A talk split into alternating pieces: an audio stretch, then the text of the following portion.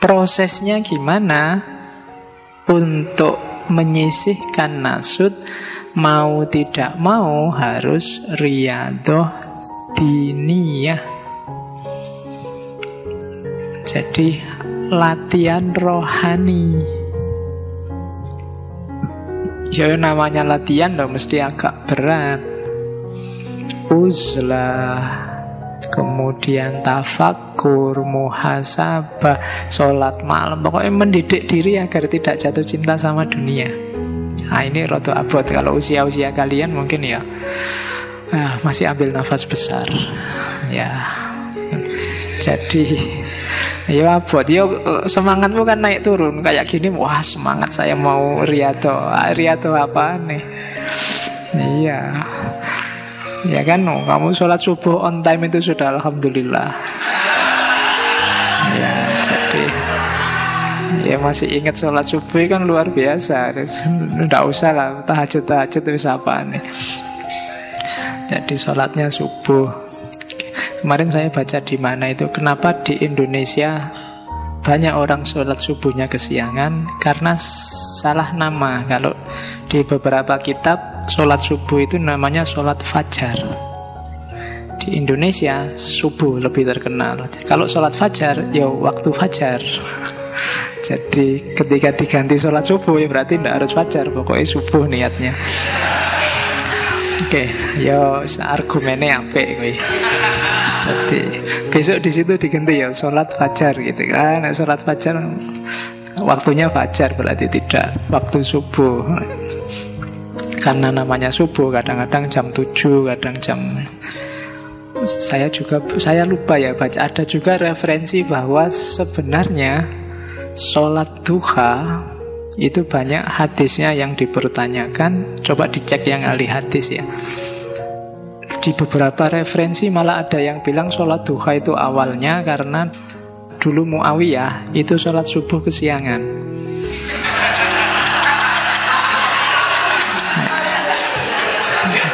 Jadi karena Muawiyah ini sholat subuh kesiangan, ada yang tahu sampean Amirul Mukminin sholat subuh kesiangan. Loh ini bukan sholat subuh ini, sholat duha ini.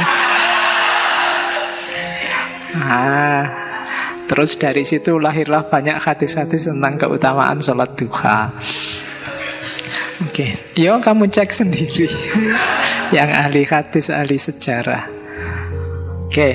nah kok sampai situ ya mengharap ngomong riado ya. Jadi riado, latihan batinmu dengan cara mem, apa, memberdayakan fisikmu untuk mengarah ke batin. Jadi kiblatnya harus semuanya Allah. Dunia itu boleh kamu tunggangi, tapi ngadepnya ke belakang. Mungkin kalian baca banyak buku-buku sufi, biasanya sufi-sufi humor yang tentang Nasruddin Hoja itu simbolnya sufi itu kan naik keledai tapi tidak ngadep ke depan ngadep ke belakang.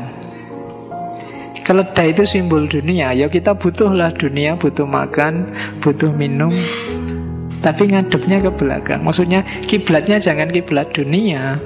Kiblatnya tetap ke atas Allah. Jadi ada apa-apa ngajaklah Allah. Ngaji kayak gini ya ajaklah Allah ke sini. Kalau kamu sedang pacaran ajaklah Allah pacaran. Biar pacarannya islami. Oh iya kan? Loh, kalau kamu pacaran ngajak Allah kan? Anda enak ada Allah ini kan gitu. Ya kan?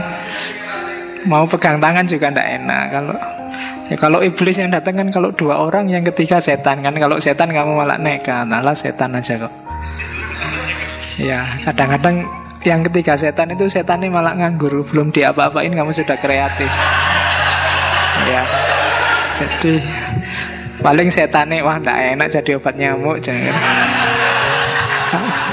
Iya, kamu belum digodain kamu sudah kreatif sendiri. Jadi oke. Okay. Maka iya. Jadi kalau ada yang bilang hati-hati loh, jangan berduaan. Yang ketiga setan, ndak ngefek. ada setan nggak ada setan sudah kamu jadi setan dewi. Oke, nah Riyadhah diniyah itu latihlah dirimu biar tidak apa nek bahasa Jawa dulu kiai-kiai bilangnya kepincut terpesona jatuh cinta dengan dunia. Di level apa pun. Bukan berarti kamu tidak butuh dunia butuh. Tapi dia rankingnya bawah tidak penting. Punya uang banyak syukur. Tidak punya uang tidak apa-apa. Punya pacar cakep syukur. Tidak punya pacar ya cari. Loh ya Ya kan harus nikah makanya nyari pacar. Nggak apa-apa, nggak pakai galau biasa aja. Yang jomblo santai, yang punya pacar juga santai. Dunia. Nah, Jadi ndak jatuh cinta meskipun butuh. Ke sini dikasih minum ya syukur. Nggak dikasih minum ya minta.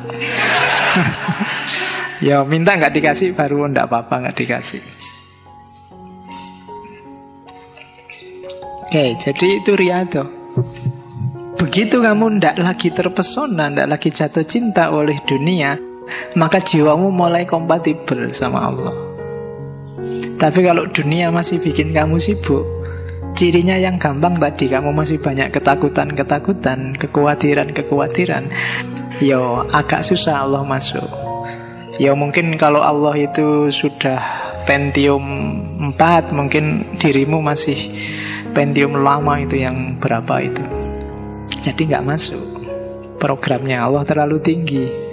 Maka Rianto latihan. Rianto yang paling efektif itu yang istiqomah tadi. Makanya Nabi bolak-balik nyuruh istiqomah itu melatih diri. Mungkin tidak urusan kuantitasnya tapi kualitasnya. Daripada kamu ujuk-ujuk baca buku filsafat banyak minggu ini mending tiap hari baca dikit-dikit. Itu biasanya lebih manfaat, lebih melatih diri. Jiwa juga begitu.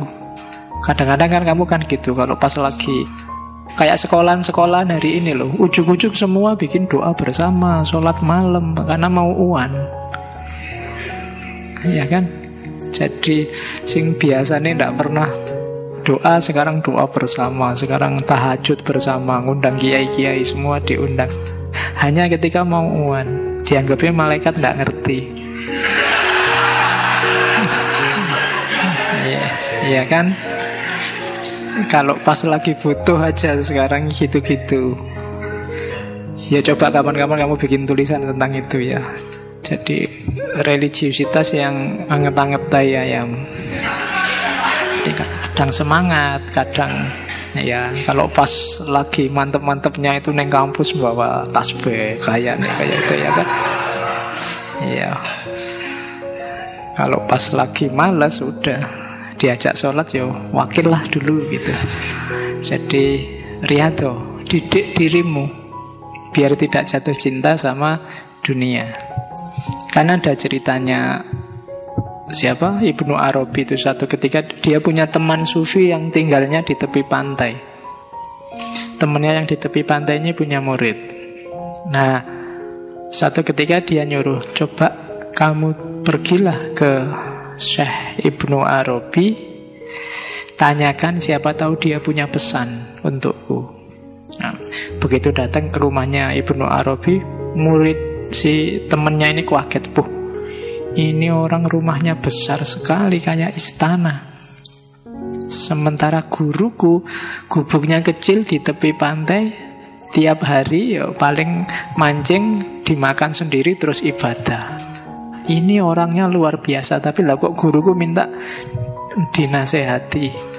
Harusnya kan kebalik Yang kelihatan sufi beneran ya guruku yang di tepi pantai itu Begitu tanya, saya ini saya pesen dari guru, jenengan mau pesen apa untuk guru saya? Terus pesennya jangan terlalu terpesona oleh dunia. Wah, ya kan itu kan pusing muridnya. Ini yang kaya raya dia malah pesennya jangan terpesona itu pada guruku. Oke, begitu dia pulang cerita ke gurunya, pesennya itu saya. Ah, gurunya ini langsung nangis. Wah, lah kok nyenengan nangis? Kenapa? Berarti Iya, jadi dia ngaku bahwa selama ini saya itu makan itu hanya dari mancing sendiri, kadang hanya duri-durinya yang tak makan. Tapi sambil makan, aku sambil mikir, ini kalau nggak cuma durinya, ada dagingnya mestinya enak. Kalau nggak cuma ikan, ada daging yang lain mestinya enak. Jadi sambil mikir itu. Sementara Syekh Ibnu Arabi itu meskipun rumahnya kaya luar biasa, tidak pernah Sedikit pun dia mikir tentang hartanya. Mau habis saat ini juga tidak apa-apa, mau tidak punya apa-apa juga nggak masalah. Jadi itu yang bikin gurunya terus sadar. Jadi sufi tidak sufi itu tidak tergantung kekayaan, tapi bagaimana batinmu tidak jatuh cinta pada dunia. Ya, cirinya tadi nggak ada hal dunia apa pun yang bikin kamu takut dan gelisah. Yang bikin kamu takut dan gelisah cuma satu, kalau kamu merasa jauh sama Allah.